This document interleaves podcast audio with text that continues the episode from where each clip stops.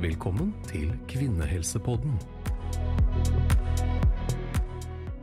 Hei, jeg heter Liv Ellingsen og er programleder for denne podkasten.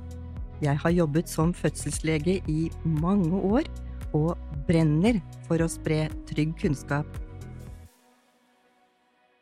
Vi får mange spørsmål om smertelindring under fødsel og hvilke metoder som fins, og kanskje fins det noen flere enn det du kjenner til. For å snakke om dette har vi som vanlig med oss to fantastiske gjester, Åsa Valdum og Hilja Hippe. Åsa er en erfaren jordmor ved Rikshospitalet, Oslo universitetssykehus, og forsker på smertelindring ved fødsel.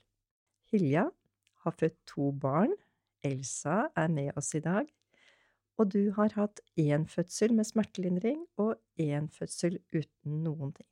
Vi er spente på å høre dine opplevelser rundt de to fødslene. Velkommen til dere begge to, og til deg som lytter. Så nå går vi rett på sak. Åsa, kan du si noe om hvor smertefull er egentlig en fødsel? Ja, det er et eh, vanskelig spørsmål å svare på, for det er så utrolig individuelt. Det er både individuelt mellom ulike kvinner, og så er det individuelt i ulike fødsler hos en og samme kvinne. Og det er eh, mange ting som påvirker vår oppfatning av smertenivået.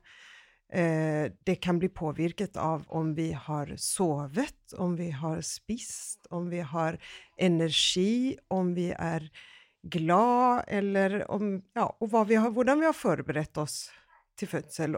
Men det blir også påvirket av eh, fysiske, faktiske faktorer, som hvordan ligger babyen plassert i magen? Hvor stor er babyen, har også noe å si. Hvordan starter fødselen, og hvor lang tid tar den? Så det er utrolig individuelt. Og da er det jo også veldig mange måter å påvirke den smerten på, da, og det skal vi snakke videre om. Kan du si noe om hvordan man kan klare å takle den smerten som en fødsel er, for smertefullt er det jo. Jeg tenker at en fødsel er veldig mye mer enn smerte, at smerte er én del av det. Det er også andre sensasjoner som trykk, press, tøying av uh, vevet. Uh, sånn at det er mange faktorer i tillegg til smerte så tenker jeg at det er viktig å si at det er veldig forskjellig fra fødestedene i Norge hva man kan eh, bli tilbudt. Om man kan bli tilbudt medisinsk smertelindring, eller om man kan bli tilbudt ikke-medisinsk smertelindring, som er de to eh, måtene vi ofte deler inn smertelindring i fødsel på. Og hvis vi tar den ikke-medisinske smertelindring først, så er det flere av de metodene som bad, massasje, TENS og akupunktur, som man ser for seg at man bruker eh, portteorien på å forklare hvordan det virker. Må du fortelle hva, hva portteorien går ut på? Dette er som sagt bare en teori, dette er ikke forskningsbasert. Man ser for seg at man har en port i ryggen hvor nervene passerer, og den porten kan ikke åpnes større, den er så stor som den er. Og der passerer smertesensasjoner, varme, berøring, kulde. Alt det passerer eh, der. Og hvis du tilfører mye annet da, enn smerte, så vil smertesensasjonene få litt mindre plass å passere, og dermed blir oppfatningen av smerte litt lavere. Så mange bruker f.eks. en varmepakning når man har menstruasjon. Og det benytter seg av den, og det er det jo mange som har god effekt av. Og varme, spesielt tidlig i fødselen, eh, har ofte veldig god effekt på å lindre kvinnens oppfatning av smerte. Så du fortrenger på en måte det du vil kalle smerte, med en annen opplevelse? Ja, ja, ja. og med en annen opplevelse som da kan oppfattes positivt, noe man liker. Ja, det er veldig spennende. Og dette bruker dere aktivt? Absolutt. Ja, så mm, fint. Mm. Kan du si litt mer om de ikke-medisinske smertelindringsmetodene også? For det mm. er det kanskje litt mindre fokus på? Ja, og det er jo sånn at de ikke-medisinske smertelindringsmetodene kan du bruke hvor som helst. Noen av dem kan du bruke hjemme før du drar inn til stedet du skal føde, og på fødestuene i Norge, og du kan bruke det på kvinneklinikker, store fødeavdelinger. Um, men jeg vil også si det at man må huske på at smerten er ikke farlig. For ofte er jo smerte et signal på at noe er galt. Vi har brukket et ben eller en eh, hjerteinfarkt, et eller annet som er farlig. Her, nå må du få hjelp. Men smerten i fødsel er ikke farlig. Så hvis man har det med seg, så kan man kjenne seg kanskje litt mer trygg, og det kan også hjelpe. Og det er ikke bare at den ikke er farlig, men den er ganske viktig, for det er jo tegn på at det går framover i fødsel ofte? Absolutt. Jo mer intens fødselen oppleves, jo fortere går det ofte. Mm. Men hvis vi da skal si noe om disse ikke-medisinske mm. metodene, mm. er det noe du vil trekke fram da? Du sa TENS, er det mm. kanskje mange som ikke har hørt om? Nei, TENS er en uh, metode som benytter seg av impulser. Man setter uh, en slags plater, eller geléplater, på ryggen i området hvor smerten uh, oppfattes. Og så gir den elektriske impulser som en slags massasje. og som derved da benyttes av denne portteorien og trenger unna smertesensasjonene. Men vi har også en annen metode som heter eh, steriltvannspapler. Det var mye brukt eh, da jeg var ung i faget, men det er på følelsen at det har nesten forsvunnet litt. Ja, og det kommer nok av at de er litt vonde å få. De er som heftige vepsestikk som sjunger i gang systemet skikkelig kraftig, sånn at man eh, aktiverer kanskje sitt eget smertelindrende system i kroppen. Og eh, jeg oppfatter ofte at det gir god smertelindring å ta smertenivået eh, et ordentlig hakk ned eh, den neste timen. Uh, men noen kvinner da syns at de er så vonde å få at det vil de aldri ha igjen. Og så er det andre som da syns at det var så effektivt at den må jeg bare ta igjen. Den funket. Sånn at der er kvinner Jeg bruker ofte å si det til kvinnene for, hvis jeg foreslår det at uh, det er liksom på en Man er i enden på en skala. Enten så var det da så bra at det vil man ha igjen, eller så var det så vondt å få at aldri mer. Og så nevnte du dette med varme og bad. Kan du si litt mer om det? Ja. Eh, badekar er det eh, mange kvinner som syns er veldig behagelig. Men det er jo utgangspunktet av kvinner som liker å bade. Hvis man ikke liker sensasjonen av å ligge i et badekar, så liker man kanskje ikke det som smertelindring heller. Men eh, vannet i badekaret gjør at det kan være lettere å bevege seg, det kan være lettere å finne gode posisjoner for seg selv i fødselen. Eh, og det kan man benytte under fødselsforløpet. Eh, Men man kan også noen ganger føde barnet sitt i vann. Og det, liksom sånn, det gir en sånn oppdrift med, med, vannet som gjør at det blir en veldig god avslapning for kvinnen. Og så eh, kan man bruke dusjen i tillegg som en massasje, da. Er det sånn at alle fødestuer har badekar? Er det sånn at det er et tilbud til alle fødende? Nei, det er ikke alle fødestuer som har bad, dessverre. Men eh, eh til og med Rikshospitalet har et badekar og tar eh, vannfødsler. Eh, og fødestuer har ofte badekar, og jeg tror nok at de fleste fødeavdelingene har tilbudet, men ikke på alle rom. Så her kan man spørre om det på forhånd, og høre hvordan det er det stedet man skal føde. Ja. Så nå går vi over til medisinsk smertelindring. Hvor vanlig er det å få det? Ja, det er også litt avhengig av hvor man føder, men hvis, vi ser på Norge som helhet, så den vanligste medisinske smertelindringsmetoden det er epidural. Og den bruker ca. 43% av alle fødende. Men da har vi altså førstegangs og flergangs og vaginale og keisersnitt, alt samlet i, i, totalen der. Så 43% Og så er det den nest vanligste medisinske smertelindringsmetoden, det er lystgass. Og den eh, pendler litt også avhengig av tilgjengeligheten, for den finnes ikke på alle steder. Eh, men den ligger sånn på landsbasis mellom 30-40% av alle fødsler. Du sa første- og fleregangsfødende. Kan du si noe om hvem som trenger mest smertestillende? Det er ofte de førstegangsfødende, fordi at kroppen skal gjennom dette for første gang. Der er det også faktisk land uh, som sier at førstefødsel er en prøvefødsel, fordi at den er den tøffeste å gå igjennom. Det er liksom det vanligste.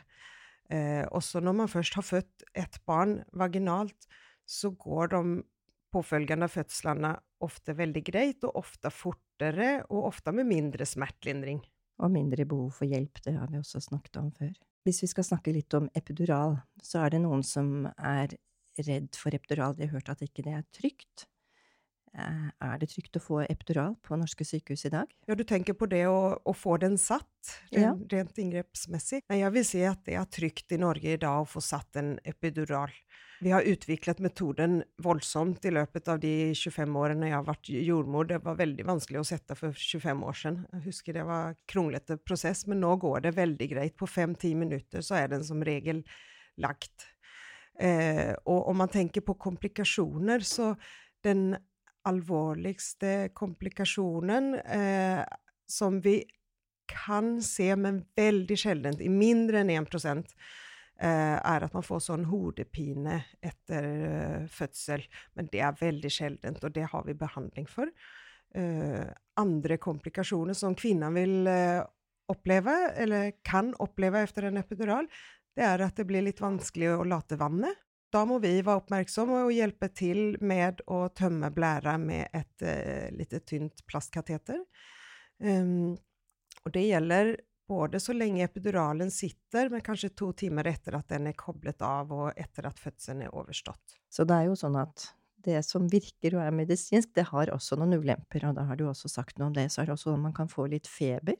Ja, man kan se feber, og det er spesielt om epiduralen har sittet lenge, så mye som seks timer eller mer, så kan man se feber hos kvinnen.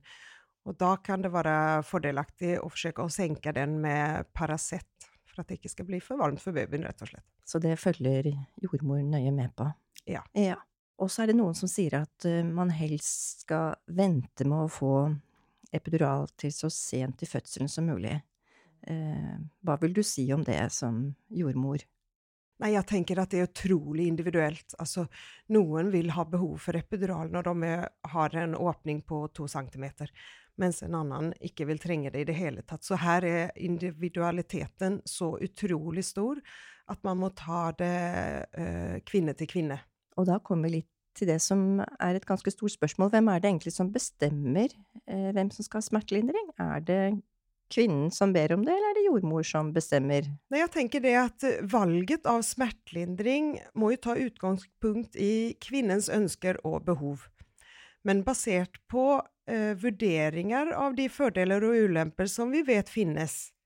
Så et eh, samråd med eh, jordmor under fødsel eh, tenker jeg er lurt. For noen kommer til eh, sykehuset og har bestemt seg for at de skal ha epidural, og gjerne så tidlig som mulig. Er det Møter dere mange som tenker sånn? Ja, noen, og da må vi imøtekomme ønske og behov mest mulig. Men det er også en dialog om eh, når er det best å sette. Det er klart at er ikke fødselen i gang, så kan det kanskje være litt tidlig. Men så har vi også noen tilfeller hvor vi anbefaler epidural. Og det er eh, ofte kvinner med eh, høyt blodtrykk eller svangerskapsforgiftning. Da er det anbefalt å sette, og noen ganger setter vi den veldig tidlig, fordi vi vet at her i dette tilfellet skal vi ha den. Og da kan vi legge inn epiduralkateteret tidlig, men aktivisere den på et senere tidspunkt når behovet eh, er der. Det er viktig å vite om at det kan man gjøre. Mm. For det mange er redd for, er vel at fødselen skal bli veldig lang hvis man får epidural for tidlig.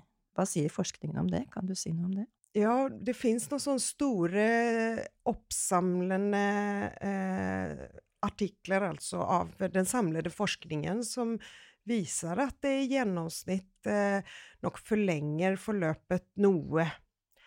Men her er det jo store variasjoner. Noen kvinner vil oppleve at de endelig får slappet av, og dermed så kan det eh, åpne seg litt fortere, mens andre vil oppleve at her stopper det helt opp, og det tar lang tid. Sånn at det er umulig å vite i forkant. Vi har fasiten først etterpå.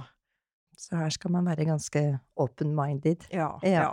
Og så er det viktig at dette valget man gjør, skal være informert. Altså man, du vil gjerne at man skal vite litt om dette på forhånd, vil du ikke det? At uh, man ikke kommer helt uforberedt til fødsel? Ja, jeg tenker det er viktig å informere seg litt på forhånd, men samtidig være åpen, for man vet ikke hvordan fødselen blir. Uh, men å, å, vite litt om hvilke valg man har, Og gjerne ut ifra det stedet der hvor man faktisk skal føde. At hva har vi for valgmuligheter på det stedet? Og så når man vet det, så kan man eh, også finne ut av fordeler og ulemper ved både medisinsk og ikke-medisinsk smertelindring. Nå har vi snakket om epidural. Skal vi si litt mer om andre medisinske smertelindringer? Eh, spinal nevnte du. Ja, spinal det kan man uh, bruke i fødsel òg, når man tror at nå går det så fort her at vi rekker verken å få effekt av epidural eller uh, eller den trengs ikke noe lenger enn kanskje to timer. Da tenker jeg at spinal er en veldig fin uh, metode, fordi at effekten av spinalen kommer mye raskere.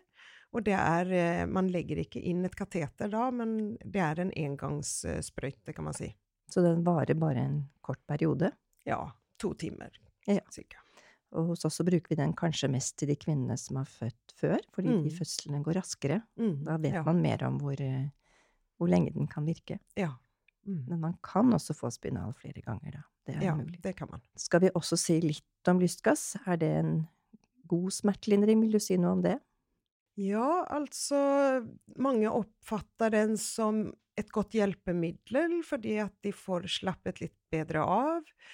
Eh, og de får også noe annet å tenke på. Fokusere kanskje litt bedre på pusting. Det har jeg egentlig ikke sagt noe om, men pusting og avslapping er også utrolig viktige måter å, å takle fødselsriene på. Eh, og dermed kan eh, lystgassen også hjelpe faktisk både på avslapping og på å fokusere på å puste ordentlig. Nå snakker vi om mange eh, ulike metoder. Eh, mange vil tenke er det egentlig et mål å være helt uten smertelindring? Er det sånn at den, eh, den mest perfekte fødselen er den som ikke har noe smertelindring i det hele tatt? Mange har jo kanskje følt det som et lite nederlag å få smertelindring. De har ønsket og håpet at de skulle klare seg uten. Ja, det er jo Jeg tror at mange kvinner gjerne vil kjenne litt på prosessen, og ikke være helt uh, bortkoblet og helt uh, frakoblet. Men det blir man som regel ikke selv om man har en epidural.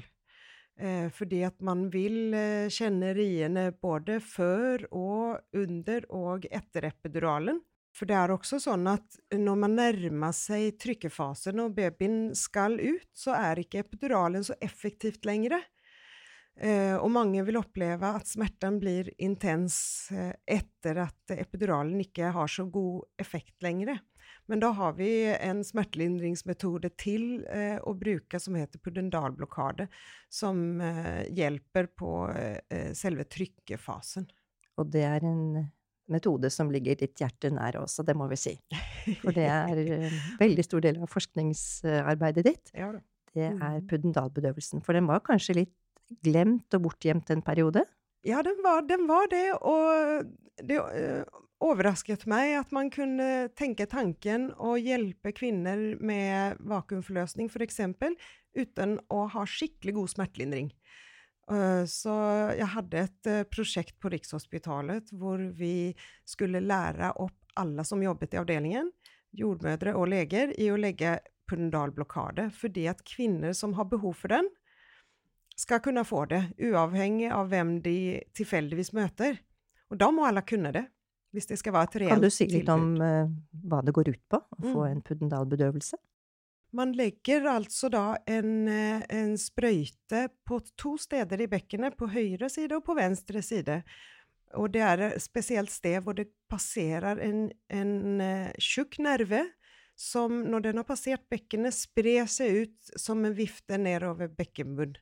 Så hvis man bedøver den før den sprer seg, så får man bedøvet hele bekkenbunnen. Og det er altså en sprøyte som vanligvis settes inn i skjeden, men som mm. noen ganger også kan settes gjennom huden. Ja. Er det smertefullt å få den bedøvelsen? Det vil kjennes som et, et stikk, og at det sprenger litt når vi sprøyter inn eh, legemiddelet. Men så vil det bedøve underlivet nedentil? Ja. ja. ja. Og gjøre det mindre vondt ved selve fødsel eller selve utdrivningen. Ja, og det er jo kanskje noen kvinner som også syns at det er den fasen som de gruer seg mest til. Man klarer ikke helt å se for seg at en baby skal komme ut der, og det må man jo kjenne. Eh, så det er nok nok noen kvinner som gruer seg mest til den eh, delen av fødselen, og da er det jo fint å vite at det fins en metode for det òg. Og særlig dette at epidural ikke tar den delen, da. At Mm. epidural Nei. er best for åpningstiden og den eh, åpningen av livmorhalsen. Ja, det Mens stemmer. eh, den, det som vi kaller for fase to, Mm. trenger også sin egen smertelindring ofte. Ja, Mm. stemmer det. Det kan kvinner be om. Mm. Det er ja. det lurt å være forberedt på å vite om, og så er det ikke alle jordmødre som setter den. Nei, og det er nok ikke alle sykehus som uh, bruker den like mye. Det er uh, en gammel metode som eh, ble mest brukt på 80-tallet, og så har den ligget på bare 2% men nå øker den i Norge. Nå ligger vi på 9 Sånn at eh, det er nok flere og flere som bruker den, men eh, ikke alle. Og det er en lokal bedøvelse uten noen bivirkninger, kan man si. Ja, hva vi vet, det er veldig lite forskning på epiduralen, da. Eh, men det kan påvirke opplevelsen av trykketrang. At det er vist at 30 eh, får nedsatt trykketrang. Så da må vi være flinke og veilede kvinnen i trykkingen når man har fått den eh, bedøvelsen. Og noe som er fint med den puddendalen, er at den også virker etter fødselen. Mm. Eh, For da er det jo noen ganger litt behov for å sy, kanskje hvis man har klippet. Kan du si noe om det? Ja, den er supereffektiv på den eh, delen der. At hvis, eh, hvis, hvis kvinner har fått en puddendal og vi syr, så kan hun fokusere på babyen sin og eh, kanskje amme og sånn, uten at det er noe vondt når vi syr. Og når vi snakker om det, eh, de som ikke har fått puddendal, som enten har vært uten smertelindring eller har fått epidural, de trenger kanskje litt ekstra når man skal sy, eller kanskje det er noe av livmoren, av morkaken som skal fjernes. Kan du si noe om hva slags smertelindring man bruker etter fødselen? Mm. Ja, man kan sette puddendalen etter fødselen òg, hvis man tenker at det er behov for det. Men man kan også sette lokal bedøvelse i vevet, der hvor man eventuelt da skal sy. Mm. Og da får man rett og slett en sprøyte med lokal bedøvelse der man skal sy. Ja. For vi tenker oss at etter fødselen skal man ikke ha smerter. Er du enig i det? Mm. Ja, jeg er enig i det. 100% Hvis man har vondt når det skal sys, så må man rett og slett si fra Ja. at dette, dette gjør vondt, her må du Jeg får bedre smertestillende. Ja, kjempegodt poeng. Da har vi snakket mye om teori og forskning. Nå skal vi over til virkeligheten og til deg, Hilja. Den første fødselen din, det var en ganske lang fødsel. Kan du si litt om hvordan du Hvordan den var, hvordan du opplevde det? Jeg gikk jo til fødsel uten å vite helt hva som var en lang fødsel også, så jeg skjønte jo ikke at det var lang At det hadde tatt lang tid, da, før vi var ute i andre vaktlag. Altså at kveldsvakten hadde kommet på jobb. For du begynte av deg selv, det var en spontan fødsel. Ja. Jeg begynte fredag morgen eh, med modningsrier, og så kom jeg på sykehuset lørdag morgen, eh, og da var jeg fire centimeter. Så da var du i, fødsel, som Ja. vi kaller det da. Eh, og jeg opplevde vel egentlig at eh, hele første fødsel, selv om den var lang, var veldig fin. Eh, kontrollert. Jeg ble møtt av eh, Alle jordmødrene jeg møtte, var eh, på en måte perfekte for det tidspunktet i fødsel, følte jeg. Eh, første mm, jordmor på dagvakt var opptatt av naturlig smertelindring, lot meg styre sånn som jeg ville, og løp etter meg med det apparatet for å måle pulsen til babyen. Um, satt i badekar og ble dusjet av mannen min. Ja, og kjente at det var helt perfekt. Men når hennes vakt da begynte å nærme seg slutten, så begynte jeg å bli fryktelig sliten, og kjente at eh, jeg håndterte smertene dårlig, eller dårligere. Um, og snakket da med samboeren min om at eh, nå, nå føler jeg kanskje at jeg trenger litt mer, mer hjelp her. For du hadde ikke bestemt deg for forhånd at du skulle ha det ene eller det andre. Nei.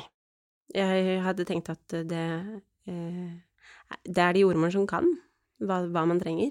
Eh, og jeg var veldig åpen for at jeg kan gjøre det naturlig, uten noe medikament eller smertelindring, og jeg kan godt ta en epidural hvis jeg trenger det. Jeg er egentlig åpen for alt, så lenge det blir en trygg og fin fødsel. Så hadde jeg jo aldri gjort det før, så jeg visste jo ikke helt hva det handla om. Men da når eh, kveldsvaktsjordmor kom på, så hadde vi bestemt oss for at eh, jo, nå, nå trenger jeg å hvile, fordi det tok så lang tid. Eh, så da var det verdt å prøve å sette inn epidural og se om jeg fikk tatt en liten dupp, kanskje, eller bare samla litt krefter. På et lite vindu Ja. til å Ja. koble litt ut. Ja. Mm. Og jeg tror også at de riene jeg hadde, de var ikke så effektive, men de var hyppige. Så det, det liksom Selv om de ikke var så harde, så klarte jeg ikke å slappe av underveis. Så da fikk du epidural. Ja, Da fikk jeg epidural, Um, som jeg også faktisk syns var uh, kanskje noe av det som var mest skummelt gjennom fødsel. Fordi jeg måtte sitte så stille, og jeg måtte på en måte høre på regler for første gang i fødsel. Eh, og eh, samboeren min ble satt på en stol i et hjørne eh, og måtte bare se på. Han fikk ikke støtte akkurat da. Eh, og det syns han også var kanskje det som var verst, på en måte. Men var du skuffet over at du trengte epidural? Nei, det var jeg ikke. Jeg, ehm, og jeg var veldig åpen på at det, uansett hva jeg trenger, eh, og uansett hva som skjer, så er det helt greit. Og så fødte du fint, og hvordan ble opplevelsen av den fødselen? Kjempefin. Altså, etter at jeg fikk eh, Etter fødsel, så gikk jeg jo rundt og sa at det her kan jeg gjøre 100 ganger til. Det var ikke noe problem. Eh, så jeg tror kanskje den som hadde minst problemer med at det var en lang fødsel, det var kanskje meg. Eh, fordi jeg kjente på at jeg var trygg, eh, jeg ble sett, og det gikk så veldig bra, på en måte. Når jeg først fikk lov til å begynne å presse, så var han ute på et kvarter, og da kjente jeg at nå var jeg på en måte ferdig. Da var det greit. Fikk ikke hvile så veldig mye mer da heller, men det var ikke Altså, ja, det var bare kjempefint, egentlig. Så når du skulle ha ditt andre barn, Elsa, så hvordan tenkte du før fødselen da? Um, I og med at jeg syntes at det å sette inn epiduralen var litt um, skummelt, så var jeg nok litt mindre åpen for det. Eh, men jeg var fortsatt på at uh, hvis jeg må, så må jeg. Uh, og så hadde jo omtrent samtlige jordmødre og eh, andregangsfødende kvinner fortalt meg at eh, fødsel nummer to er eh, Et ord man bruker er lettere, eh, men jeg tror det man mener er raskere. Eh, jeg tenkte vel egentlig at ja, ja, jeg hører det, men jeg tror ikke på det helt. Fordi din erfaring med deg? Ja, og jeg forventet egentlig at den skulle bli ganske lik. Jeg, som jeg sa, jeg kunne gjøre det 100 ganger til, og da ville jeg gjerne gjøre det 100 ganger til, på en måte. I hvert fall at nummer to ble ganske lik. Så når eh, fødsel nummer to starta, som var fredag morgen eh, igjen, eh, og holdt på med modningsrier helt frem til natt til søndag, så kjente jeg at nå har vi allerede endra litt løpet her, og tenkte at da kommer det til å ta mye lengre tid. Og forventet at jeg skulle holde på til kanskje søndag kveld. Ja. Du sammenlignet med sist. Ja, Ja. sammenlignet med sist. Det, det tar bare lengre tid nå. Men da lørdag kveld og natt til søndag, så kjenner jeg at nå tar det seg opp. Eh, og ringer til føden eh, med da syv til tre minutter mellom. Eh, relativt sterke eh, rier. Eh, og får beskjed om at eh, du er ikke helt klar, men neste gang du ringer, så er det for å si ifra at du kommer. Og da tok det vel tre kvarter eller noe sånt før vi ringte igjen. Eh, og da var det sånn cirka tre minutter mellom hver gang. Så da var du i fødsel når Da du kom inn. Da var jeg i fødsel når vi kom inn. Ja. Og det var også litt morsomt, for når jeg kommer inn og møter jordmor, så sier hun ja, hvor tror du at du er? Ja. Eh, to, to centimeter, kanskje? Vet ikke. Eh, og jeg tror fortsatt så trodde jeg ikke på at dette kom til å gå fort. Jeg trodde vel ikke på det i det hele tatt, noen gang. Eh, men hun sier at vi går rett inn på fødestue, eh, og så sjekker vi der. Eh, og da var jeg fem centimeter når jeg kommer inn på sykehuset. Og mens hun sjekker, så hadde jeg en rie og går over til seks, sier hun. Så det, ja, da går det jo radig allerede der. Og når jeg da kommer inn på fødestuen, eh, så fortsatt så tenker jeg jo ikke at dette kommer til å gå fort. Og den derre tanken om at eh, hva slags smertelindring trenger jeg, der var jeg ikke. For jeg ville i badekaret, sånn som sist. Jeg ville sitte der og slappe av og egentlig kose meg litt. Eh, og ja, småprate med jordmor. Eh, finne ut av hvordan vi skulle gjøre dette. Orientere meg i rommet. Eh, men det tok ikke veldig lang tid før jeg nesten ikke klarte å prate. For da bare gikk det på, økte på? Ja. Fra jeg kommer inn klokken ett på natta til klokken er da to, så går jeg fra fem til ni centimeter.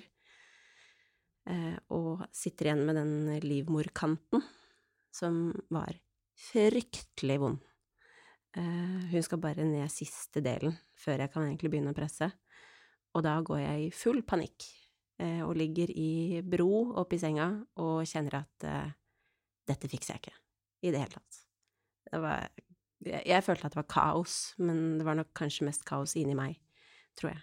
Smertelindring var ikke noe Nei, hun Jeg fikk Jeg fikk varme kompresser ja. nedentil. Ja, for det pressa nedover. Ja, og det Ja. var helt fantastisk. Men annet enn det så fikk jeg ikke noe, ikke noe smertelindring. Og jeg tenkte strengt talt ikke på det engang. Jeg klarte ikke å tenke på noe annet enn meg selv, og at jeg faktisk Altså at jeg hadde panikk, rett og slett. Men så fødte du jo veldig fint innen kort tid. Ja, altså jeg følte vel ikke at jeg kjente jordmor på samme måte som jeg kjente jordmoren som tok imot um, førstemann.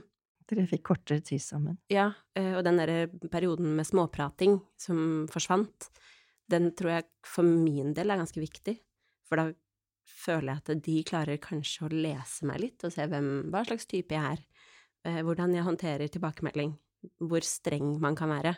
Og når den forsvant, så forsvant også litt den gode flyten i samtalen mellom oss, kanskje.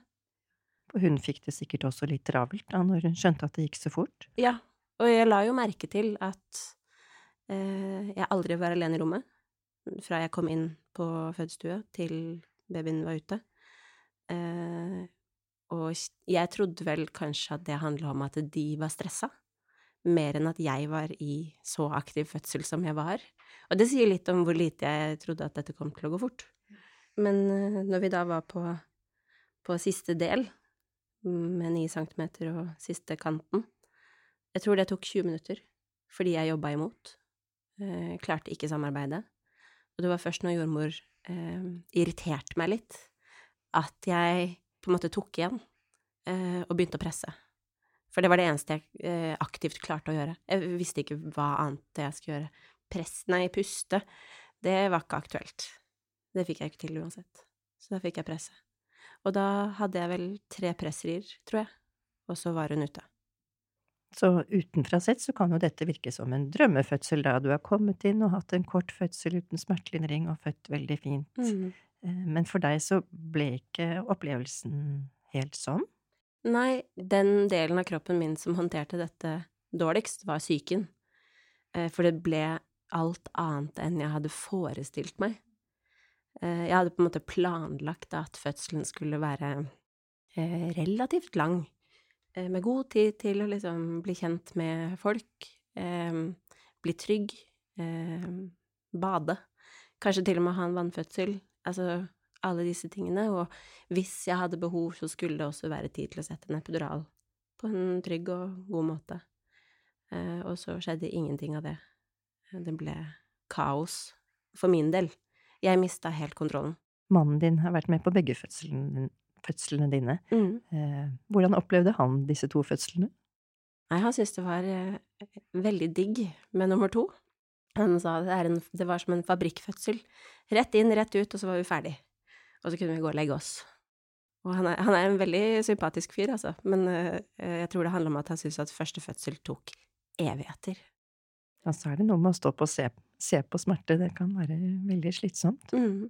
Men han har jo skjønt også at det, eh, her handla mest om hvordan jeg opplevde fødsel, ikke hvordan fødselen um, på en måte var, det fysiske i det.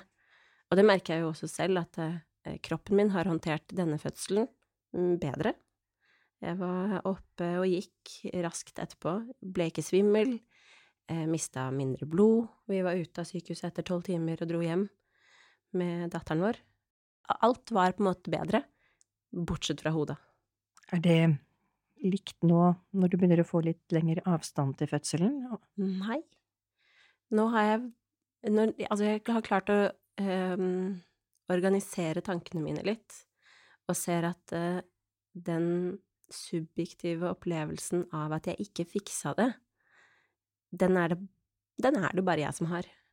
Eh, alle andre sier for en fødekvinne, og dette gikk kjempebra, og eh, det er nesten litt irriterende å høre om hvor bra det gikk, på en måte. Så nå kjenner jeg kanskje mer på at ok, men jeg fiksa det jo, det gikk bra, og jeg kan gjøre det en gang til. Men det tenkte jeg virkelig ikke i heisen etter barsel. Da sa jeg vel eh, hvis vi skal ha en nummer tre, så blir det keisersnitt. Ja, altså så heftig opplevde du det. Ja. Hvis du nå tenker at du skal nummer tre, da, tenke deg hva du ville velge da, nå som du står litt utenfra, ville du tenke at uh, for eksempel epidural hadde hjulpet deg bedre?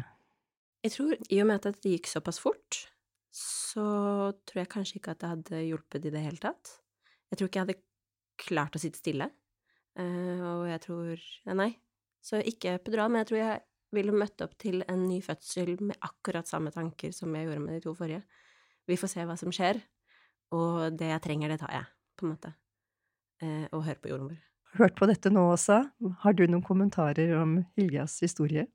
Nei, jeg syns du beskriver det utrolig flott, og noe som mange kvinner kan kjenne seg igjen i. Eh, og du tar fram et utrolig viktig poeng som ikke jeg har snakket om, og det er trygghet og bli sett og hørt. Det er det jo også forskning som støtter opp rundt.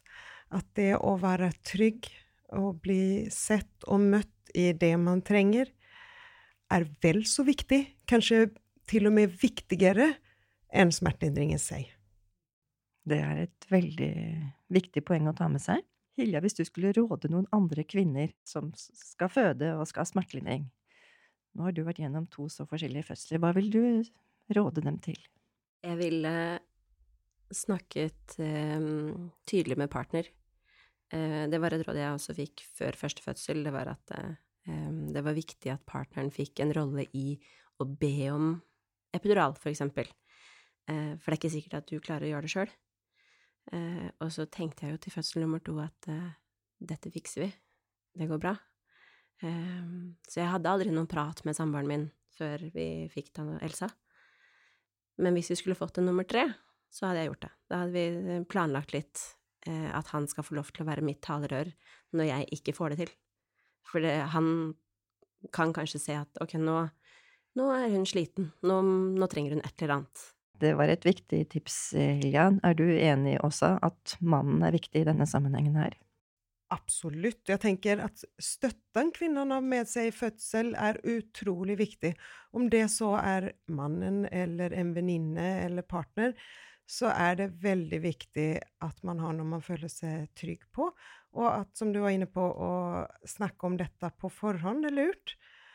Jeg selv hadde en venninne som backup i tilfelle mannen min ikke skulle klare det. Nå gjorde han det, men det, det, jeg tror det er lurt å ha en backup.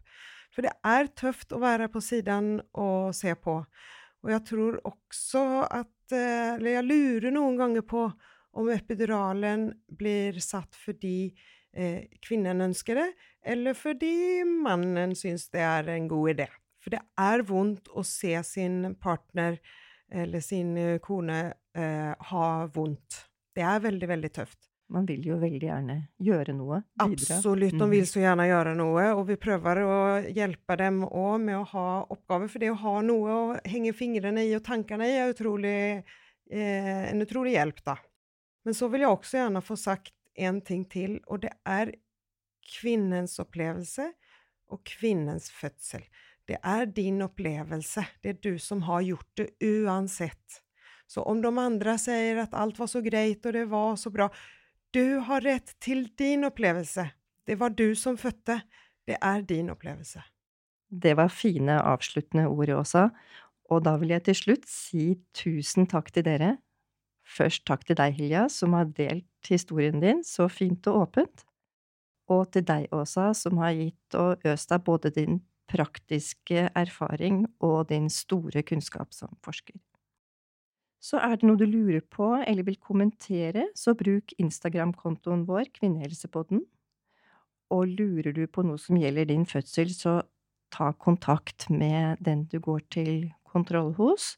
lege eller jordmor eller sykehuset eller fødestuen du skal føde på. Takk for i dag, begge to.